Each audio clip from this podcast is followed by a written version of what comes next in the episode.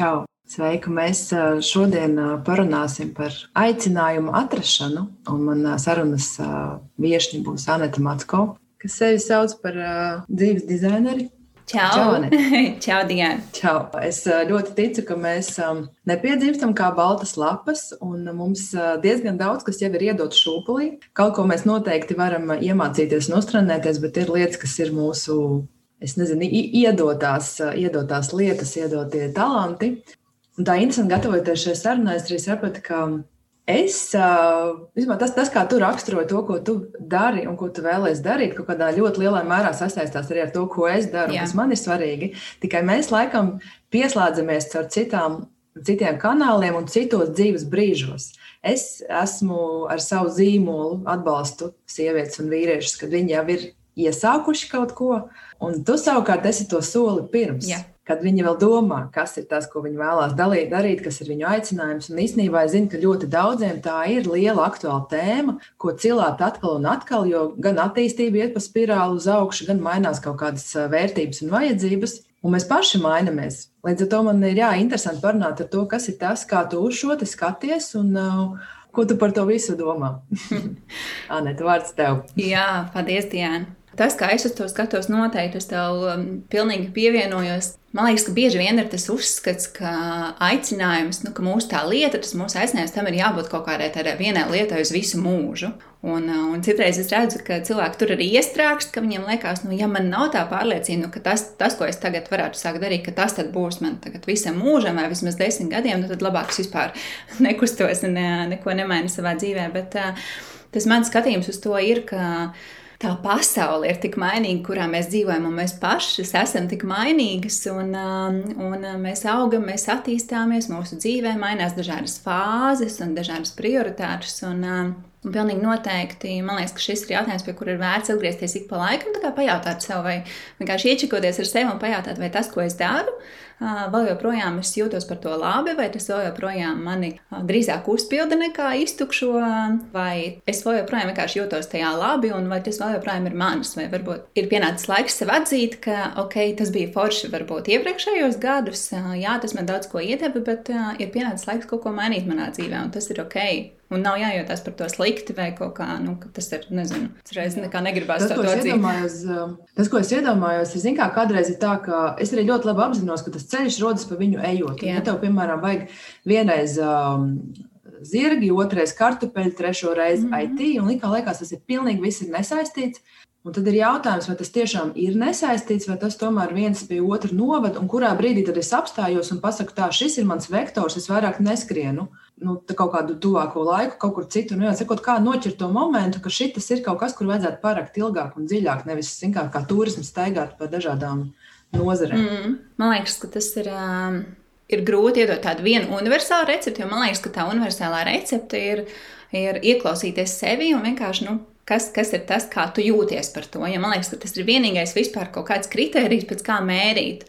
Tāpēc, ka Mēs gan daudz jautājumos visādos ieklausāmies apkārtējos, nu, ko mums apkārtējie saka, vai man to vajadzētu darīt, vai nevajadzētu, vai tā ir laba doma, vai tā nav laba doma, vai man tas sanāks, vai man tas nesanāks.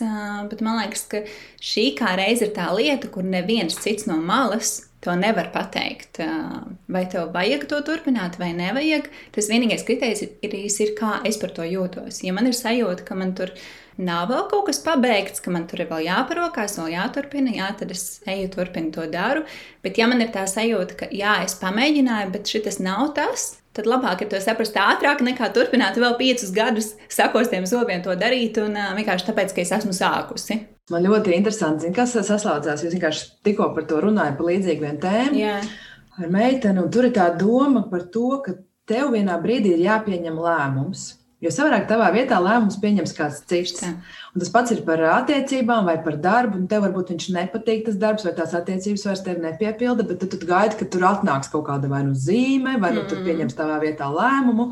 Un viņu pieņem, protams, bet varbūt nevienmēr tā, kā tu esi vēlējusies. Līdz ar to arī zini, kā, kā to drosmi ņemt uh, un tiešām to savu lēmumu pieņemt par sevi un atbildēt par to, ka jā, tagad es eju prom vai es kaut ko mainu. Tas ir, protams, ļoti tas ir tāds liels, retorisks jā, jautājums. tas, ir, tas ir tiešām ļoti liels jautājums, jo tas ir ļoti liels un drosmīgs solis. Bet tas, tas par ko es arī runāju, ka nevienmēr tev ir uzreiz jāpieņem tāds nu, drastisks lēmums, ka jā, man nepatīk mans darbs, un tagad man ir jāiet, jā, jāraksta atlūgums, un tad, es, tad man būs skaidra galva, un tad es sākšu par to visu domāt. Uh, tu jau to vari darīt paralēli. Tu vari turpināt darīt to darbu, kuru tu dari, bet jau sāk domāt par to, ok, labi, es apzinos, ka es, jā, es šobrīd to turpinu darīt, tāpēc, ka man ir jāmaksā rēķini, man ir varbūt jāuztur ģimene, bet es eh, pie, pieņemu priekš sevis lēmumu, ka tas nav vairs uz ilgu laiku, un ka es jau domāju par to, kas mani gaida tālāk, un ka es eh, jau nu, aktīvi šo jautājumu sāku, sāku sev kustināt un kaut ko darīt lietas labā. To var sākt darīt paralēli. Un, un ir meitenes, kas, kas ļoti veiksmīgi strādājot algotu darbu, pamazām sāk čubināt kaut ko savu, līdz sajūtās pietiekami komfortabli, ka ok, tagad es jūtu, ka man šeit var sākt nākt tiešām reāli ieņēmumi, un es jūtos pietiekami droši uh, iet prom no tā esošā varbūt darba. Vai ir kaut kādas kopīgas tendences, kā tos impulsus cilvēks noķer, kas ir tie signāli, ka nu, šeit varbūt ir laiks beidzies? Nu, tas, tas ir ļoti individuāli, katrai savādāk, bet tas, ko es visbiežāk dzirdu, kā man meitenes apraksta to, kā viņas jūtās, tad, kad viņas pie manis atnāk, tad visbiežāk ir tāda sajūta, ka, nu, ka, ir, jābūt, nu, ka, ir, ka ir jābūt kaut kam, kaut kam vēl priekš manis, nu, ka ir jābūt ka ir jābūt iespējai man celties no rīta, nevis ar tādu sajūtu, ka bācis atkal man ir, man ir jāiet, man ir jāsaņemās kaut kā, man ir jābrauc uz to darbu vai jāiet darīt tas, kas man ir jādara. Bet, ka, nu, ka, var, ka var to darīt ar tādu lielāku vieglumu un lielāku prieku un gūt tādu lielāku piepildījumu. Vienkārši tāda sajūta, ka, ka kaut kas tā kā pietrūkst. Vai tā ir arī tā sajūta, ka tev liekas, ka nu, tevi gaida kaut kas vairāk un kaut kas cits? Jā, tā, tā piemēram, bija man. man pašai, jā, ka man bija sajūta, ka, jā, ok, tas, ko es tagad daru, tas viss ir forši, man ir ļoti labs darbs, labi kolēģi, laba alga, viss ir kā labi, bet tā ir sajūta, ka nu, ir jābūt kaut kam vairāk, nu, ka, ka, es, ka es varu vairāk un ka es varu arī just vairāk tādu nu, prieku un piepildījumu un tādas jēgpilnības no tā, ko es daru. Nu, ka ir jābūt kaut kādam tādam tā kā nākamajam solim aiz šī. Un patiesībā daudzas meitenes arī, kas pie manis atnāk, meitenes, dāmas, arī ir tādas, kas, kas dzīvē ir gana daudz sasniegušas, kurām ir bijusi ļoti veiksmīga kam, karjera, labi amati un viss pārējais, bet ir tāda sajūta, ka es te gribu vairāk kaut ko, es gribu just tādu lielāku jēgu tam, ko es daru. Jo ar to, ko mēs domājam, vairāk, tas jau nenozīmē vairāk strādāt. Nē, vairāk pelnīt, nē nekādā gadījumā. Būt mājās. Nekādā gadījumā. Tas pilnīgi noteikti tas nav tas, ko es ar to domāju. tas ir vairāk, vairāk tādas vienkārši labas sajūtas par to, ko es daru. Par to vairāk strādāt. Tas ir arī viens tāds, man liekas, tāds uzskats, ar ko mēs daudzi sabiedrībā dzīvojam, ka, lai es varētu izdarīt vairāk, man ir vai panākt vairāk, vai sasniegt, vai nopelnīt vairāk, man ir vairāk jāstrādā. Nē, esmu šī uzskata atbalstītāja, un tas manuprāt, tas noteikti nav tāds vienīgais ceļš, kā, kā to panākt. Nezinu, ko tu par to es domā, vai tev, vai tev liekas, es, ka. Es absolūti piekrītu. es uh, piekrītu ar to, ka strādāt uh, vairāk nevajag, jāstrādā ir gudrāk. Tieši tā. um, un arī tas, kas ir tas mērķis, jo vienā brīdī mēs varam uzstādīt, ka ir kaut kādi finansiālie mērķi, bet uh, tikpat labi tev var būt mērķis konkrētā dzīves posmā. Piemēram, uh, es vēlos vairāk laika būt ar saviem bērniem, es gribu, ka man ir iespēja viņus nevest uz dārziņu katru dienu, un ja mums ir no rīta vēlme kaut ko izdarīt citu, tur braukt uz jūru, mēs to mm. darām. Tas ir tas, kā es šobrīd izņemu bonusu šajā dzīves posmā šādā veidā. Tas ir tas, ko es uzskatu par savu vairāk. Jā, pilnīgi pievienojos. Jā, es kaut ko gribu jautāt, es aizmirsu, ko gribu jautāt, bet uh, es gribēju par, nu, paturpināt tālāk jā, par, to, par to aicinājumu. Tad, kad tu strādā ar cilvēkiem ar šī aicinājuma atrašanu, Kas ir tas, ko tu meklē, ko tu jautā, ko tu, tu mēģini uztaustīt to, kas tam cilvēkam, vai tas, kas viņam ir nezinu, bērnībā bijis ļoti interesanti un mhm. svarīgi, mm -hmm. vai, Vai, nu, kā, ar ko mēs varam šeit strādāt? Man ir man tas process, pamatā, kā es strādāju, tas ir 21 dienas izaicinājums, kur 21 dienu, katru dienu ir noteikti uzdevumi, kas struktūrētā veidā izved, izved aiz rociņas visu šo ceļu no tādai pilnīgai, no tādas pilnīgas, varbūt apjukuma fāzes līdz skaidrībai beigās, kas ir tas, ko, ko tu gribi. Tie uzdevumi ir visdažādākie, jo Man liekas, ka tās atbildes par to, kas, nu, kā sajust, kas tas mans aicinājums ir, viņas ir ļoti dažādas. katram cilvēkam. Viens cilvēks, jā, tieši tā kā tu teici, jā, ir cilvēki, kas jau no bērnības, kam, kā, kam tās atdodas jau bērnībā, patiesībā atskatoties atpakaļ, ir kaut kādas kā, indikācijas par, par to, ka, ka jā, man bija interese par šo, par šo jomu. Es tikai kādā brīdī to piemirsu, vai man kāds pateica, ka nē, nu, tas taču nav īsts darbs, vai ar to taču nevar nopelnīt naudu, vai taču, tev taču tas nesanāks. Bet, tas man patīk, visvairāk tas jau nav īsts darbs. Jā, jā, jā tas ir. Jā. It kā ir tāds īstais un neīstais. Jā, jā, jā. Man ir viena paziņa māksliniece, kas ļoti ilgus gadus pelna, pelna sev iztiku ar savu mākslu. Viņai mamma ik pa laikam pajautā, nu, nē, nu, tas viss ir forši, jā, bet nu, kad tu strādāsi īstu darbu? Tā kā tas, jā, tas, kas ir vai nav īsts darbs, ir dažādi uzskati par to.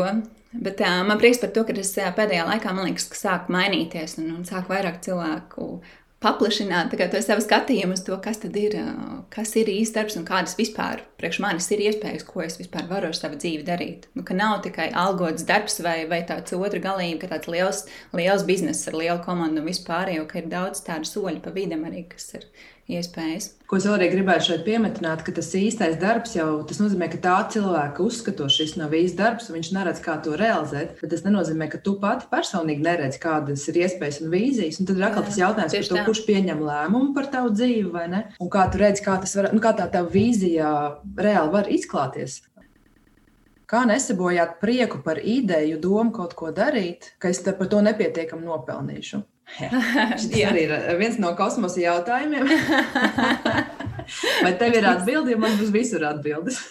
Jā, kā nesabojāt prieku? Pirmkārt, pašai priekš sevis, godīgi saprast, vai šī lieta ir kaut kas, ko es gribu pārvērst par savu tādu peļņas avotu. Te var nodalīt tāds tā kā profesionālais aicinājums no vienkārši tāds ritīgi mana sirdslieta, manas hobijas, ko es gribu paturēt tikai sev, un es to gribu darīt tikai savam priekam, un es negribu varbūt vispār domāt par to, kā man ar to nopelnīt naudu, kā man dabūt klientus un tam līdzīgi.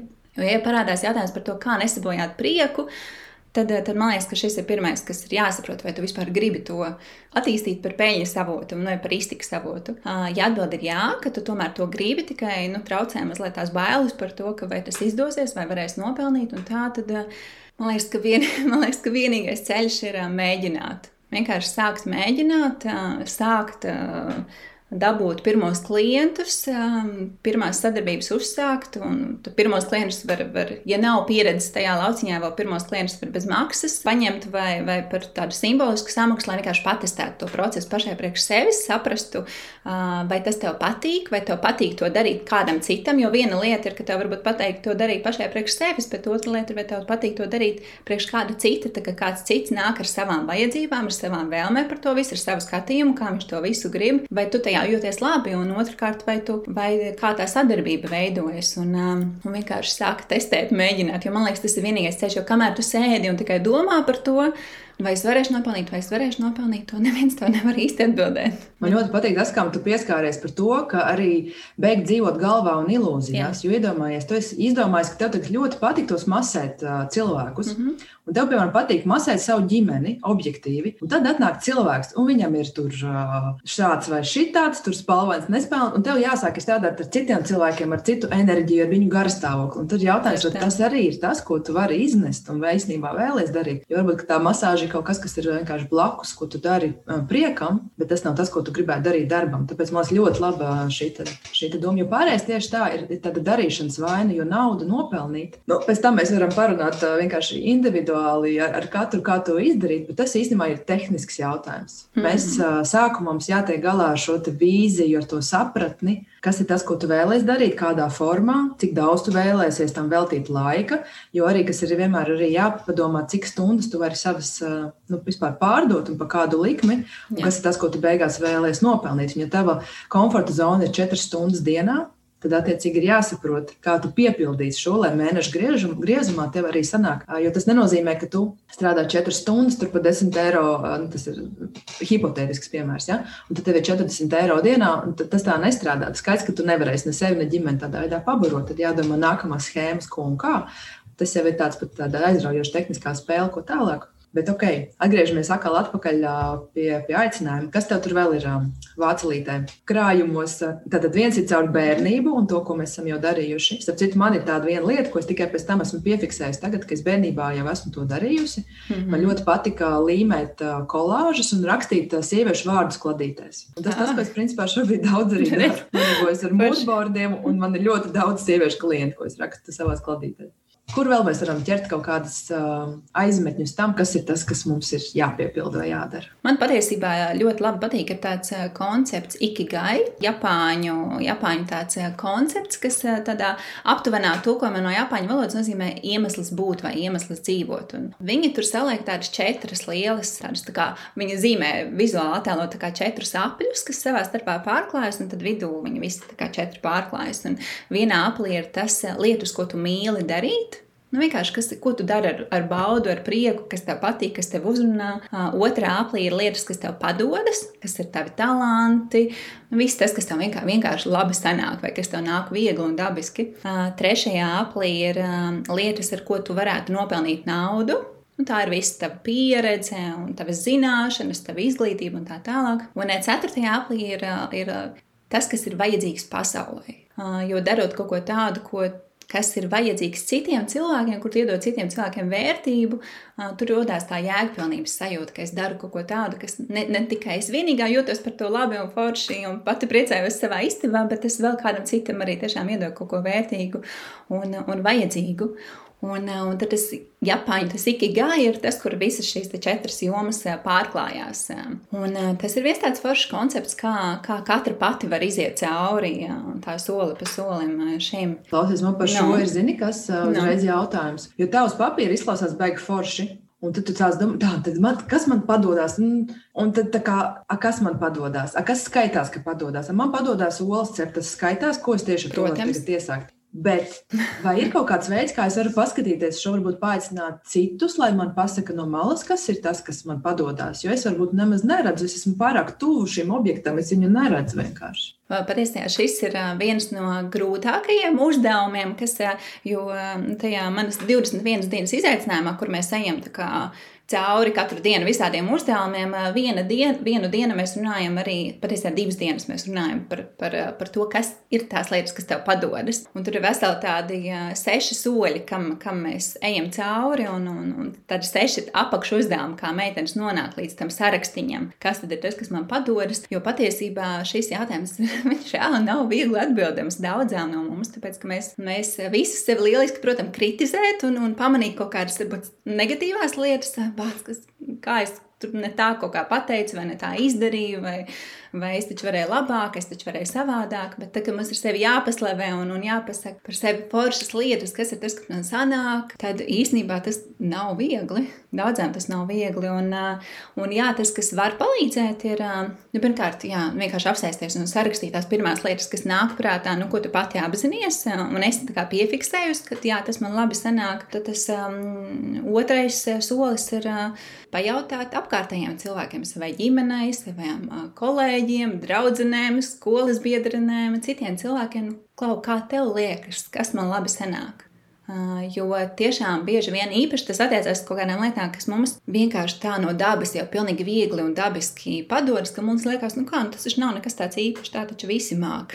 Nu, patiesībā tā nav. Jo vieglāk mums tās nu lietas tas, nāk, jo tas tā kā grūtāk ir pašām to piefiksēt un apzināties. Tieši tā, varbūt mēs nemaz to neredzam kā tādu vērtību, ko varbūt cits Jā. no malas var saskatīt. Līdz ar to es arī pat, es esmu to darījusi kaut kādu laiku atpakaļ. Mm -hmm. Es izsūtīju, man liekas, pieciem vai sešiem draugiem tādu vēstuli, lai viņi atraksta, kas ir tas, kā viņi mani kā, raksturot un kā, kāds viņiem liekas ir manas stiprās puses, ko man vajadzētu attīstīt, ko man vajadzētu varbūt pilnveidot. Un tas bija interesanti, jo no tās malas tas viedoklis, jūs sakat, bieži vien man tās idejas vienkārši neatnāk, es viņas pat nesaredzu un kā, ne, neizceļu kā vērtību. Līdz ar to man liekas, tā mm. otra cilvēka skats no malas ir ārkārtīgi vērtīgs. Un tas, ko es arī nu, esmu pamanījis, ka zīmola konsultācijās es ļoti nostrādāju, es to cilvēku no malas ieraugu. Pirmkārt, mēs iedodam tam laiku, arī tu, tu iedod laiku par šo konkrēto lietu domāt. Jo mums ikdienā skrejienā jau nav par to laiku Tieši padomāt. Tā. Tad es iedodu laiku, enerģiju līdz ar to tam visam. Bet arī man liekas, ka svarīgi ir tā otra cilvēka klātbūtne šajā procesā, kurš var te kaut kā nospoguļot vai parādīt. Vai tev grupā jūs, jūs satiekaties kādreiz, ja tas ir katram individuāls process, kā tu tur iesaisties?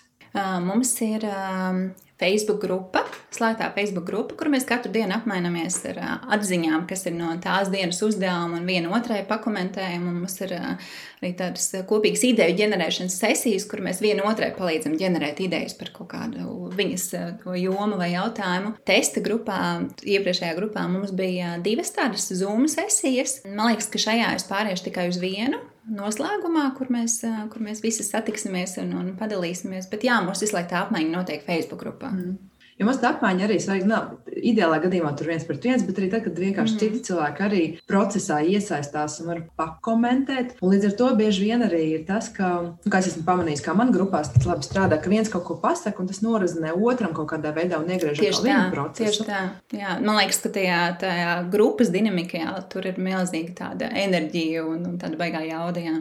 Jā. Tas arī ir iedrošinājums jebkuram, kurš šobrīd arī par savu aicinājumu domā, ir nemēģināt to marinēt vienam pašam savā nodabā.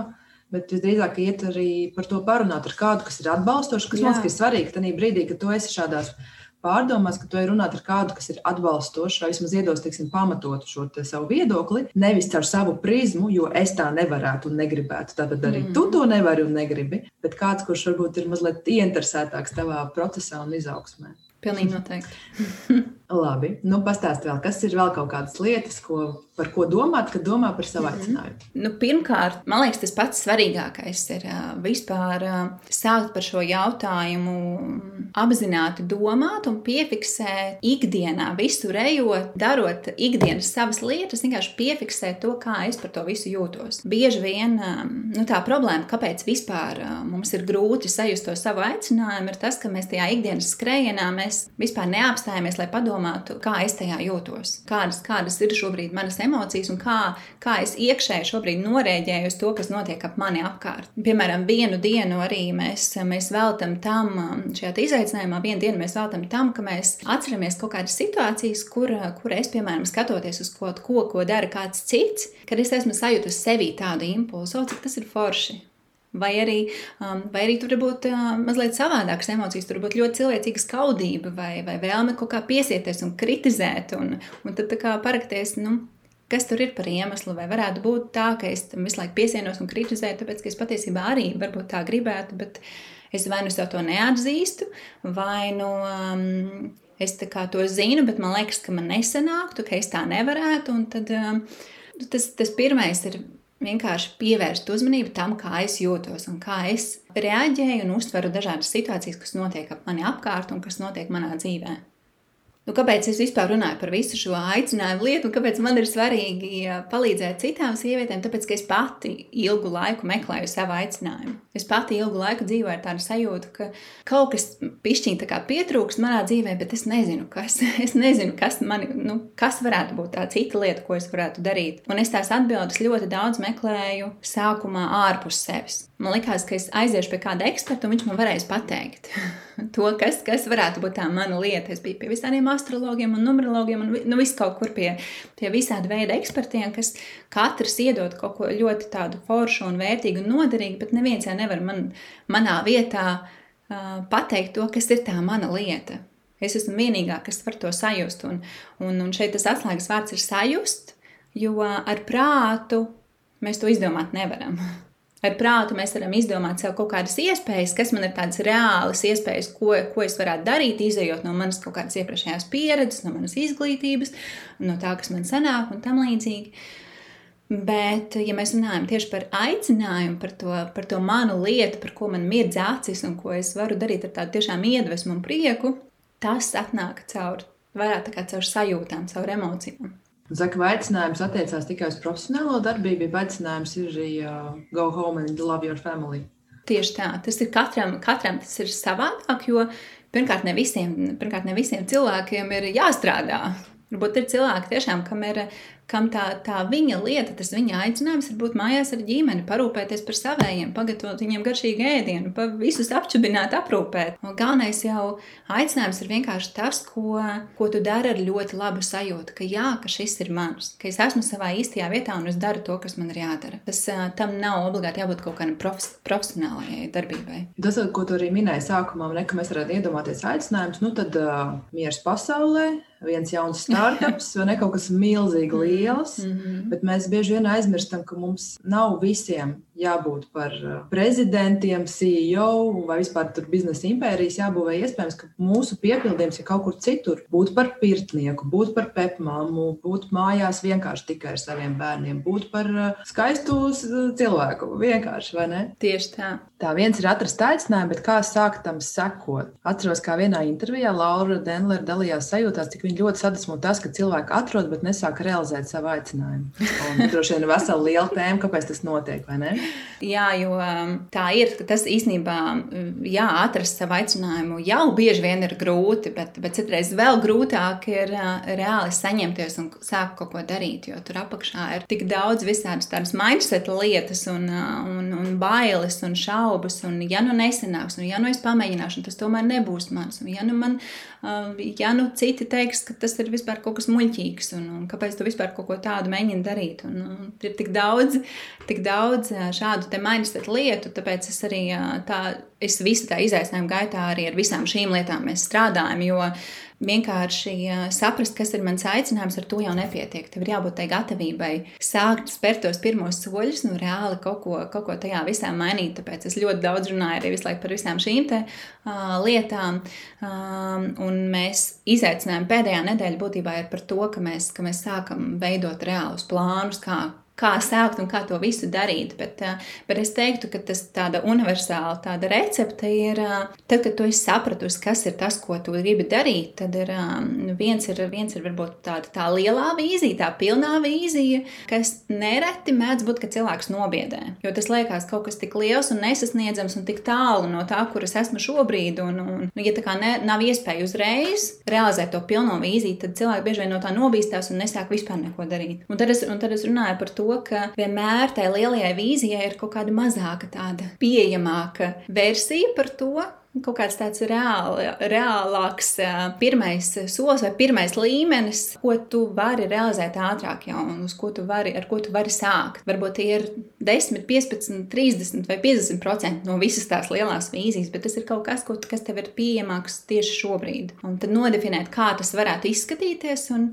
un sākt ar maziem, maziem solīšiem. Man patīk tas teiciens, kas ir atnācis nesen pie manis, ir par to, ka cilvēki pārāk, daudz, pārāk augstu novērtē, ko viņi var izdarīt gada laikā, pārāk Jā. maz novērtē, ko viņi izdarīt desmit gadu laikā. Desmit gadu laikā. Tas man liekas arī par to, ka tu uzbūvē to vīziju, tad tu pamazām ej, jo man liekas arī tā trauksme un tā, tās bailes rodās arī no tā, ka tā visa lieta, ko tu esi iedomājies, tev tagad ir jārealizē, nu, principā rīt, ne labāk vakar. Mm -hmm. Tas nav mhm. iespējams, tas tā nenotiek vienkārši. Un uh, es vienkārši atskatoties uz savu procesu, varu teikt, ka, nu, ja pirms desmit gadiem varbūt mans ceļš jau sāka mani vest, tad pirms sešiem gadiem savukārt es darīju. Es nezinu, kas tas bija, ja, ko es tur darīju. es reāli nu, filmām specifikus taisīju. Okay. Es tev tieši gribēju prasīt, lai tu padalies ar savu stāstu, kā tu nolāsi līdz tam, ko tu dari. Tu, to, to tu filmām varu... taisīji specifikus. Jā, jā. Wow, jo, kāpēc ne? Un, un es varu padalīties, kā, kā man gāja, un tas jā, man tā vedas ir uz priekšu. Nu, jā, un, un tad sanāk tā, ka pirms trim gadiem, kad es sāku darīt to, kas principā ir šī brīža mans vīzijas iemiesojums, es pirmkārt nezināju visus soļus, kā tas tieši manā izvērtīsies manā priekšā. Jo arī, kurš gan zina, nu, tā reāli gan, domājot. Jā, un, un tagad es esmu nonākusi šajā punktā, kam ir atkal nākamā vīzija, un viņa atkal mani biedē, bet tas biedē tikai tāpēc, ka man liekas, ka tas ir jāizdara nu, nedēļas laikā. Bet īstenībā tas soli pa solim, tāpat kā es redzu, kā līdz šim man vajadzēja trīs gadus, lai nonāktu šeit, tas nozīmē, ka man vajag vēl kaut kādu laiku, lai nonāktu līdz tam nākamajam solim. Man ļoti patīk, ka ir viena tāda karikatūra, kas arī ir manā Instagram pie highlightiem, kas saucās know-how, tāda highlight sadaļa, un tur ir tāda bildīte, kur ir cilvēka dzīves sākums un beigas, un tad ir um, posmi, nu tā kā pa, pa vecumiem, un viss posms no tā brīža, kad tu piedzimsti līdz nomirsti, tu vari sākt jebkurā brīdī. Tad, kad ir par vēlu, ir tā, ka tu esi jau nomiris. Nu, tad taču ir par vēlu. Bet viss, kas ir līdzi, tev ir vēl iespējas. Pilnīgi, pilnīgi noteikti. Es vispār kopš, kopš mans vecais tēvs 70, kaut kādu sešu gadu vecumā, satika savu otro sievu un apprecējās un pārcēlās tur dzīvot. Un visu kopš tā laika es ticu, ka nekad nekam nav par vēlu. Kamēr tu esi dzīves un elpo, tikmēr tu vari kaut ko mainīt savā dzīvē. Vai ne? Tieši tā. Jā, tā, tā. Es domāju, ka ir arī forši redzēt tos piemērus apkārt. Tieši tā, jo man arī, mana, mana babuška arī tu tieši to pašu gājienu izdarīji ar savu otru jā, vīru. un, un savukārt mana mamma pēc tam, kad viņa bija ar mums bijusi bērniem mājās, savos, neatceros, 38, 39 gadu, aizgāja mācīties jaunu profesiju, kurā viņa sāka strādāt. Nu, vienmēr sakot, tas jau man bija piemērs ar to, ka nav tā, ka kaut kādā brīdī mistiskajos 27 ir basta durvis ciet. Absolūti nē. Ceļš turpinās aizvien uz priekšu. Un arī tajā manā izaicinājumā ir sievietes, kas ir 50 plus un kas nebūtu nejūtas tā, ka, ka viņām būtu tagad par vēlu kaut ko uzsākt. Nē, gluži pretēji, viņas iet un dara un viņas mēģina un domā, kas tagad būs mana nākamā lieta, ko es darīšu. Un tas ir tik forši. Es ceru, ka aizvien vairāk un vairāk būs tādi stāsti. Es arī ļoti, ļoti ceru. Un pēc tam man liekas, kas arī nāk ar to briedumu, uzsauksim to tā ir tas, ka tu aizvien labāk saproti, ko tu vairs negribi. Un tas arī ir kaut kas, ko tu savos 20, iespējams, ka nemaz nevari īsti zināt. Un tad tu pamazām ar pieredzi saproti, līdz ar to izkristalizējas arī tas tavs ceļš, jo tu saproti, no kā tu esi pilnīgi mierīgi gatavi atteikties. Un uh, arī man liekas, nu, tas, ka es no citām meitenēm dzirdu, ka nu, man ir bail sākt, tāpēc ka šobrīd man tas liekas ļoti forši, bet ja es pamēģināšu un sapratīšu, ka man tas tomēr nepatīk, ka es to tomēr negribu, ko tad? Bet man liekas, ka tā ir tik vērtīga atziņa, ko priekš sevis saprast. Ok, šis to es varu izsvīt svītrot. Tas, tas, tas nav tas, tas, ko es gribu. Tas nav tas, kas man liek labi justies. Tas ir ļoti forši svarīgi to saprast. Nu, mēs, meitenes, arī būsim godīgi, esam diezgan uh, piesardzīgas. Līdz ar to lielākā daļa no mums Jā. visdrīzāk neriskēs arī ar lielu naudu, uzsākot kaut ko jaunu. Jo es atceros, ka es pirms kādu laiku prasīju, kas ir tā investīcija, ko tev vajadzētu, lai tu varētu sākt darīt lietu, ko tu vēlēsies šobrīd darīt. Nu, tie cipari Jā. bija uh, 1000, 3000 un vienai maksimums bija 5. Un uh, es jums atgādināšu, ka tad, kad jūs ejat, piemēram, pie riska kapitālistiem, tad uh, viņi sāk vispār ar tevi skatīties. Tad, ja tu no 150 tūkstošiem vispār sāc kaut ko prasīt, līdz ar to tur jau mēs Cita runāt. Pasaule. Vai ne? Cita pasaule. jā. Tur, jā, varbūt vīrieši, kas daudz la, nu, labprātāk uzņemās risku, dāmas tomēr ir tādas piesardzīgākas. Līdz ar to, atgriežoties pie tās domas, ko tu arī teici, nu, piemēram, man ir šobrīd darbs, kas man neapmierina. Tas gan nav mans stāsts, man ļoti apmierina mans darbs. Bet iedomāsimies, ka ir tāda situācija. Tas nozīmē, ka tu, piemēram, nākamā pusgada laikā vēlēsies kaut ko darīt un mainīt, tad tu zini, ka tev šī pusgada laikā ir sev, piemēram, jānopelna kaut kāds drošības pilvens, uz kura rēķina tu varēsi iet un eksperimentēt atkal nākamos sešus mēnešus. Un mēs, meitenes, mēs to mākam piesardzīgi gan sakrāt, gan pēc tam eksperimentēt. Līdz ar to tu pat beigās iespējams, ka tu vairāk zaudēsi, ir laiks, bet arī īsti nē, jo tu iegūsi šo pieredzi. Tieši tā. Un tas ir uh, tik ļoti vērtīgi. Man liekas, ka vispār tā mūsu tā pieredze, ko mēs dzīves gaitā uzkrājam, tā ir nu, viena no vislielākajām vērtībām, ko to neviens pēc tam neatņems, un kas, un kas, kas tevi var aizvest dzīvē pa tādiem ceļiem, ko tu vispār pat iedomājies, nebūtu. Tad, kad tu sēdi uz vietas un par to visu domā. Tieši tā, galvā. Tad, kad tu sāc kustēties un mēģini, jā, galvā, tu pat nevari vispār ieraudzīt, kas aiz tā stūra tevi gaida, kamēr tu neizlīdz tam stūrim aizgājis un paskatīsies. Man ir vēl viens ļoti labs piemērs arī par to, cik ļoti ir svarīgi citi cilvēki, jo lietas mūsu dzīvē ienāk caur citiem cilvēkiem. Un ne tikai lietas, arī emocijas un mīlestība, jebkas ienāk nāk cauri citiem cilvēkiem. Un vakar vienkārši super uzskatāms piemērs. Vienmēr sakot, man atnāk auklīte, ne man, bet maniem bērniem. Un viņi tagad saka, klausies, tu nezini, kur var nopirkt ērtus foršas kurpes, kur, nu, kas ir labi izstāstīts, bet arī viņām var arī paskriet. Un man tā, vai kur man ir kurpes, kuras es nevelku, bet viņas atbilst visiem taviem parametriem, bet man viņas vienkārši nevelkās. Tas bija divu sekundžu jautājums, viņi tika pie jaunām kurpēm. Vienmēr sakot, tu palūdz, tu paprasti, ko tev vajag. Un šis bija tāds ļoti ātrais piemērs, bet es domāju, ka tas strādā ar daļu, ko,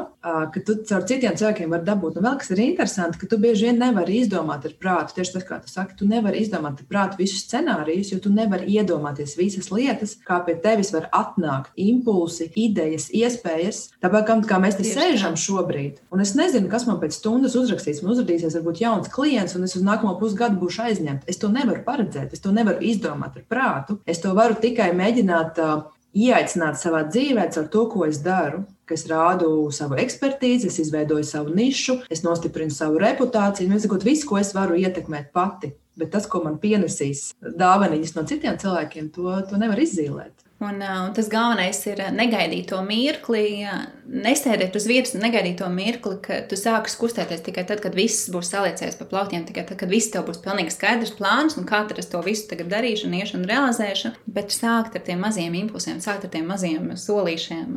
Mārtiņam Lutheram Kingam ir tāds ļoti foršs citāts: Tev nav jāredz visas kāpnes, tikai spēr pirmo soli. Un tieši par to ir stāsts, jā, ka, ka tu pat Tu pat nezini, kādas tās kāpnes būs. Tu pat viņas neredzīji šobrīd, bet vienkārši ej un sāc un mēģini kaut ko darīt, tos mazos, mazos solīšus. Klau, vai mēs varam vēl kaut kādas lietas pateikt par to, kas ir aicinājums vai kas nav aicinājums? Par to, kas ir aicinājums, kas nav aicinājums. Jā, par kaut ko par šo to jau mēs parunājām, par, par tiem dažādiem priekšstatiem.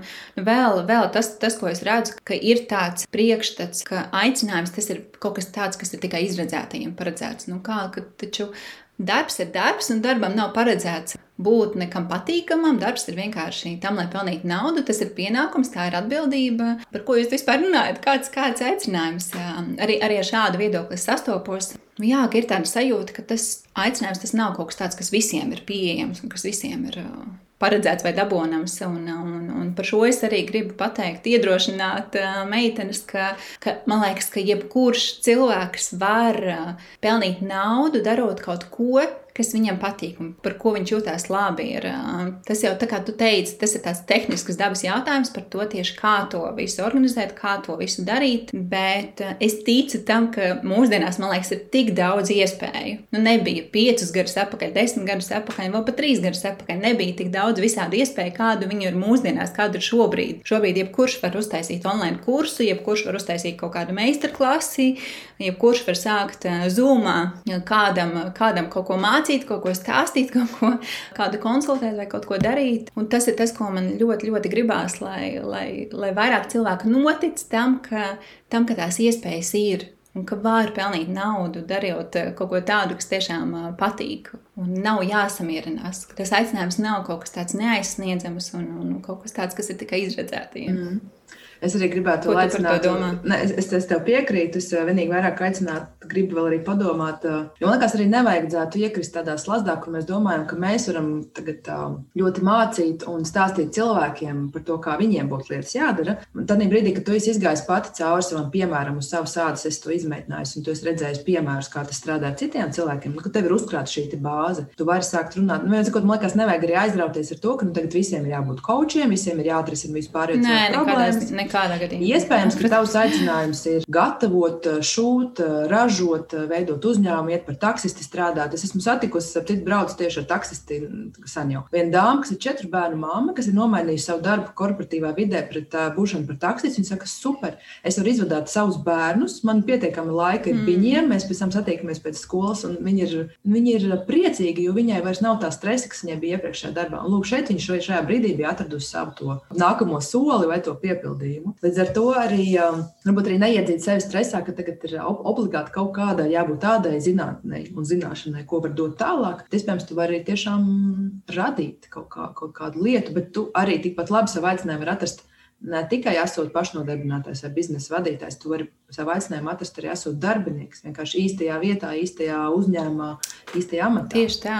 Tam jau, tam jau nav jābūt savam kaut kādam biznesam vai, vai kaut kādai tādai savai lietai. Tas varbūt arī algots darbs. Galvenais ir tā sajūta, ka es esmu savā īstajā vietā. Labi, Anete. Es domāju, ka mēs varam jau sākt nopaļoties. Ja tev ir vēl kāda doma, ko tu vēlēsies vēl pateikt, kas ir atnācis pie tevis, tad droši tu to vēl vari pateikt. Man vēl viena doma gan ienāca prātā, ko es esmu arī ievērojusi, ka kādreiz cilvēki mēģina izvairīties. Es viņu tāds, tāds escapisms, ka vienmēr sakot, viņi mēģina izvairīties no tā, kas viņiem patiešām būtu jādara, un viņi mēģina atrast atrunas. Tas tā kā mums, piemēram, mēs apsēžamies pie darba, un tad izrādās, ka vajag uztaisīt ēst, izrādās, ka vajag izsūkt grīdu. Vienmēr sakot, tu mēģini kaut kur aiziet no tā darba prom jo ir bijis nu, rokas pa īsu vai dušu pa maz, lai pieķertos tam konkrētajam darbam. Man liekas, ka diezgan līdzīgi varētu būt ar to aicinājumu. Tā kā pastīties arī, vai, vai mēs paši sevi nesabotējam kaut kādā veidā, mēģinot aiziet prom no tā, kas varbūt mazliet biedē. Tā kā es ļaušu tev arī uh, kaut kādu pēdējo gala domu vēl pateikt.